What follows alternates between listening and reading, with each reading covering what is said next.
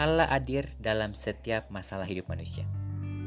Naomi mengalami kesulitan hidup dalam ekonomi, yaitu terjadi kelaparan di Yerusalem sehingga dia dan suaminya Elimelek dan kedua anaknya Mahlon dan Kilion pergi ke Moab.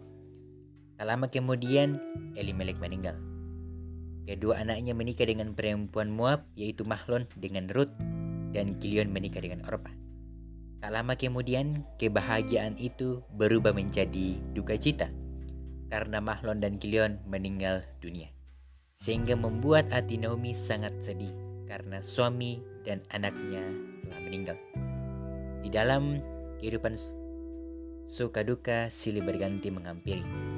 Di dalam Yeremia 29 ayat 11 mengatakan, Sebab aku ini mengetahui rancangan-rancangan apa yang ada padaku mengenai kamu Demikianlah firman Tuhan, yaitu rancangan damai sejahtera dan bukan rancangan kecelakaan, untuk memberikan kepadamu hari depan yang penuh harapan. Allah merencanakan damai sejahtera, bukan kecelakaan. Setiap masalah yang kita hadapi pasti ada hikmat untuk membuat kita semakin lebih baik dan melatih iman kita untuk berserah sepenuhnya kepada Allah. Pada akhirnya, Ruth melahirkan Obed yang merupakan garis keturunan Mesias.